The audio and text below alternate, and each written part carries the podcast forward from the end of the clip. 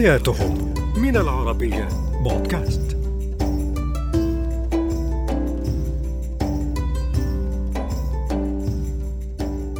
مرحبا.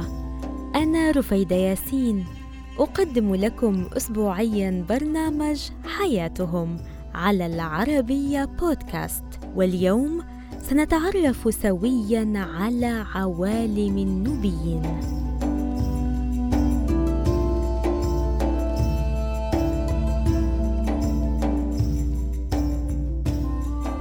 إذا رأيت أناسا يحبون النيل حد القداسة ولا يشعرون بالراحة إلا بالعيش على ضفافه ويفضلون الاتكاء على جذع نخلة في أرضهم تساقط عليهم رطبها فيكون دليل خير وبركة في حياتهم البسيطة والغنية بالتفاصيل. إن حدث كل ذلك. فاعلم أنك في عوالم النبيين.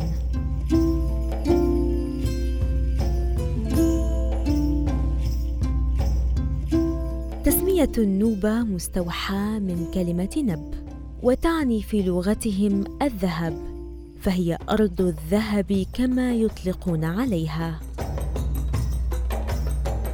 من الأساطير النوبية القديمة التي تحكيها الجدات قصة فاطمة السمحة والغول إذ يعتقدون أن هذا المخلوق الخرافي دائما يأتي من ناوى النوبية إلى بقية بلاد النوبة في موسم الفيضان حين ترتفع درجة الحرارة إلى ما يقارب الخمسين درجة وأنه لا يأكل إلا عظام الآدميين. وغالبا ما يتربص لاصطياد الأولاد الذين ينزلون إلى النيل في وقت القيلولة لكنه لا يأكلهم إلا بعد مغيب الشمس. كما يعتقد بعض النوبيين أن وجود التماسيح في منازلهم يحمي من الحسد.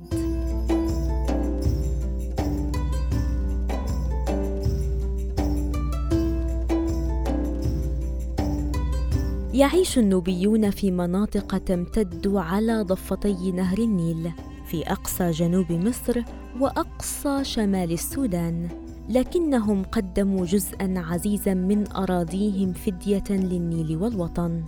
لم تبدأ معاناة النوبيين في مصر والسودان مع الترحيل فقط قبل بناء السد العالي في عهد حكومتي جمال عبد الناصر وإبراهيم عبود في ستينيات القرن الماضي بل سبقتها ثلاث هجرات أخرى على الجانب المصري.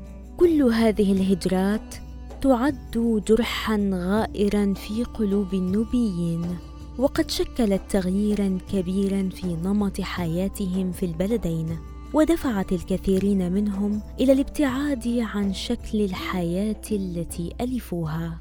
لكن أينما رحل النوبيون فهم يعيشون في عالمهم الخاص الذي يحيون فيه عاداتهم وتقاليدهم للحفاظ على إرثهم.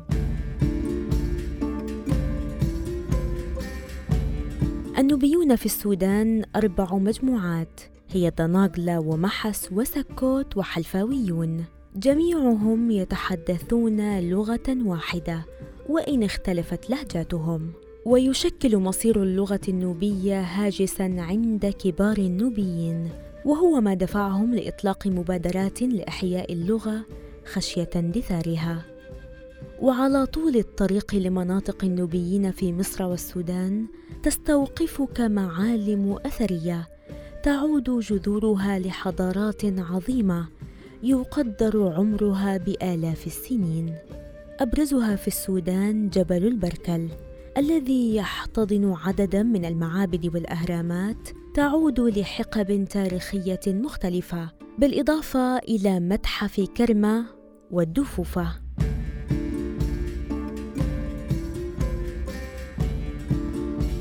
وشملت الحضارة النوبية الكوشية في السودان ثلاث ممالك هي كرمة ونبتة ومروي.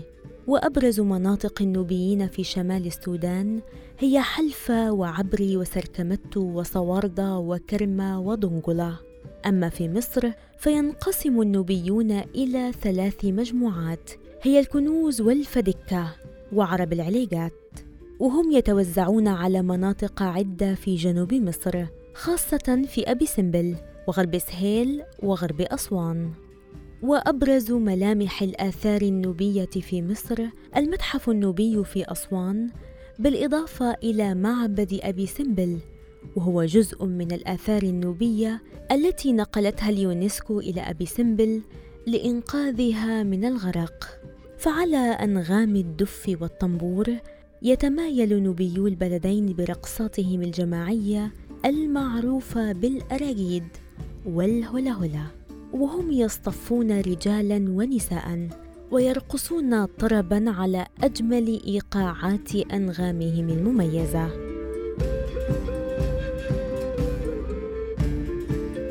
فالنوبيون يعبرون من خلال الرقص والغناء عن أشواقهم وحنينهم لجذورهم متباهين بخصوصية إرثهم الثقافي والاجتماعي والتاريخي. أبرز الفنانين النوبيين في السودان محمد وردي وصلاح والولي وحسين ألالا ومكي علي إدريس.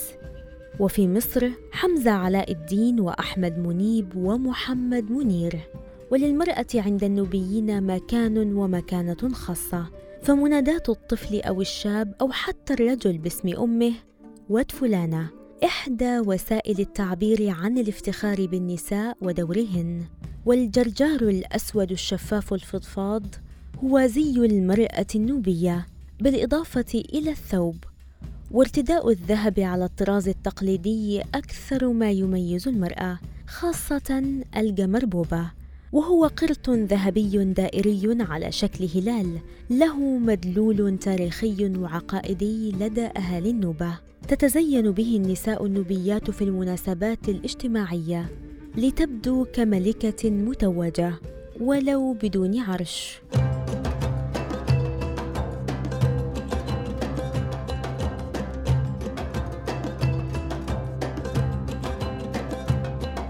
وتتطابق حكايات جدات مصر أو الناو كما يسمونها بالنوبية مع حبوبات السودان.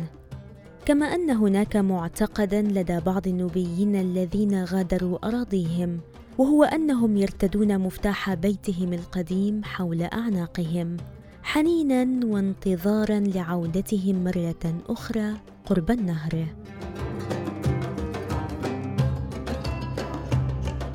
طقوس الزواج أيضا واحدة عند النوبيين. فالمراسم قد تمتد لسبع ليال متواصلة. أبرزها يوم السيره للعروسين وهو موكب يكون عادة على ضفاف النيل. ويلتف الأهل والجيران حول العروسين للاحتفاء بهم على طريقتهم الخاصة.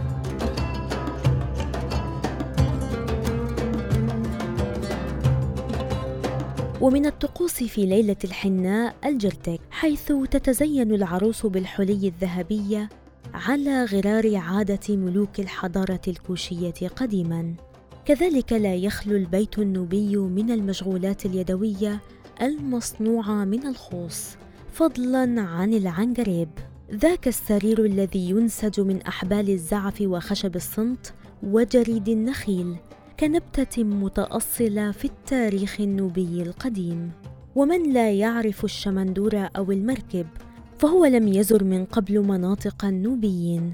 فالشمندورة تعتبر ثقافة راسخة عندهم وهم يعتمدون عليها في تفاصيل يومية كثيرة. أبرزها أنها قارب صيد.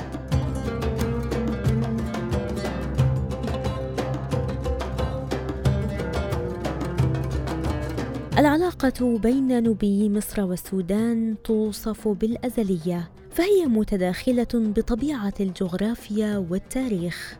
أراضي النوبيين في مصر والسودان لا تزال زاخرة بما لم يكتشف بعد.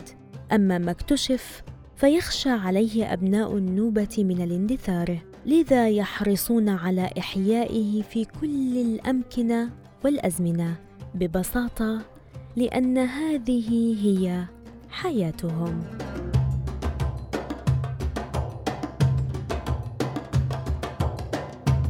حياتهم من العربية بودكاست.